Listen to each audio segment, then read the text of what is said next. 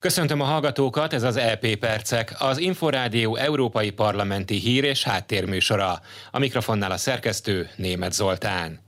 Az Európai Parlament többsége megszavazta, hogy a React EU alapok, azaz a kohéziós célú és az európai területeknek nyújtott helyreállítási támogatás 10 milliárd eurójából 3,4 milliárdot azonnal felszabadítsanak, és azt a tagállamok menekültekkel összefüggő kiadásokra költhessék. A React EU 50 milliárd eurós pénzügyi csomag, amelyet 2020-ban hoztak létre a koronavírus járvány azonnali hatásának enyhítésére az Európai 主办。Az új szabályok alapján valamennyi uniós tagállam a szokásos 11% helyett 15 os előfinanszírozáshoz jut a React EU forrásaiból.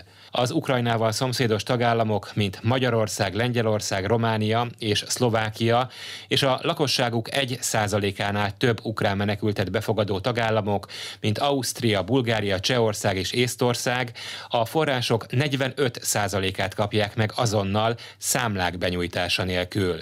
Ez az a forrás, amelyet nem sokkal azután jelentettek be, hogy Orbán Viktor miniszterelnök levélben kérte az Európai Bizottságot a helyreállítási tervhez kötődő pénzek mielőbbi folyósítását. Az Európai Unió küldöttsége hiányosságokat vélt felfedezni Bulgária EU-s támogatásainak felhasználásában, ezért nagyobb átláthatóságra szólította fel a tagországot. A cseh Tomás Szedehovszki, az Európai Parlament Költségvetési Ellenőrző Bizottságának európai néppárti küldöttségvezetője elmondta, Bulgáriától azt várták el, hogy valós változtatásokat vezessen be az ország igazságszolgáltatási rendszerében és büntetőjogi eljárásrendjében. A vizsgálatok azonban mindmáig nem mutatnak látható eredményeket. The very important issues for us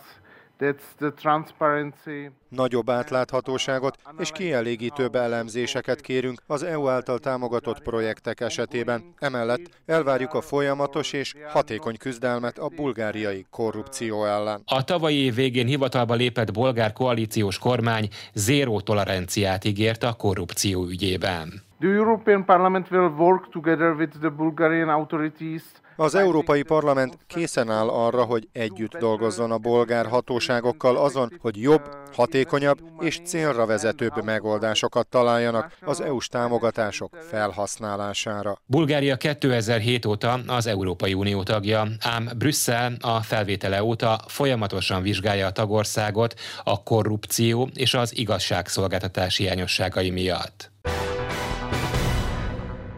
Hamarosan véget ér az Európa jövőjéről szóló egy évvel ezelőtt elindított konferencia sorozat. Az április 8-ai 9-ai plenáris ülés résztvevői konkrét javaslatokat vitattak meg. Több képviselő javaslata alapján erősíteni kellene az Európai Parlament hatásköreit, hogy a polgárok ilyen módon jobban részt vehessenek az uniós döntéshozatalban. Az egyes politika területeket illetően a képviselők erősebb egészségügyi rendszert szorgalmaznak ellátási minimummal, és egyenlő hozzáférést a digitális szolgáltatásokhoz minden európai polgár számára, lakhelytől függetlenül. Hangsúlyozták a kulturális és nyelvi sokszínűség fontosságát, és azt, hogy fontos ösztönözni a nyelvtanulást. A konferencia utolsó plenáris ülését a tervek szerint április 29-én és 30-án rendezik meg Strasbourgban. Az Európai Bizottság 2022 harmadik negyedévére tervezett javaslata előtt a parlament április 7-én elfogadta a javításhoz való jogról szóló prioritásait. A javításhoz való jogot kulcsfontosságú lépésnek tekintik abban, hogy a zöld megállapodás keretein belül 2050-re az EU megvalósítsa a körkörös gazdaságot. A vitában felszólalt a Fideszes Tóth független képviselő is. Fogyasztók több milliárd elektromos hulladékot termelnek, mivel naponta több százezer elektronikai terméket dobnak ki, ahelyett, hogy azokat megjavítatnák. A gyors elavulássi időn kívül ennek főleg az az oka, hogy a javítás költsége túlságosan megterheli a vásárlók pénztárcáját. Üdvözlöm ezért az Európai Parlament állásfoglalását, amely az emberek, a vállalatok, és a környezet érdekeit egyaránt szolgálja. Úgy vélem, hogy a fenntarthatóság érdekében a fogyasztókat a termékek újrahasználatára és javítására kell ösztönözni, a gyártókat pedig arra, hogy szándékosan ne rövidítsék le az elektronikai cikkek élettartamát. Ezt csak is úgy érhetjük el, ha a gyártók időtállóbb eszközöket hoznak forgalomba, a vásárlókat pedig megfelelően tájékoztatják a termék várható élettartamáról és annak javíthatóságáról. Az Európai Parlament a jogalkotási javaslatban elvárja, hogy tegyék vonzóbbá a javításokat a fogyasztók számára. Például kínáljanak bónuszokat a hibás készülék javításáért, vagy a javítás idejére biztosítsanak csereeszközt. Köteleznék továbbá a gyártókat, hogy ingyenes hozzáférést biztosítsanak a javítási és karbantartási információkhoz, és minimális időtartamra garantálják a szoftver frissítéseket is.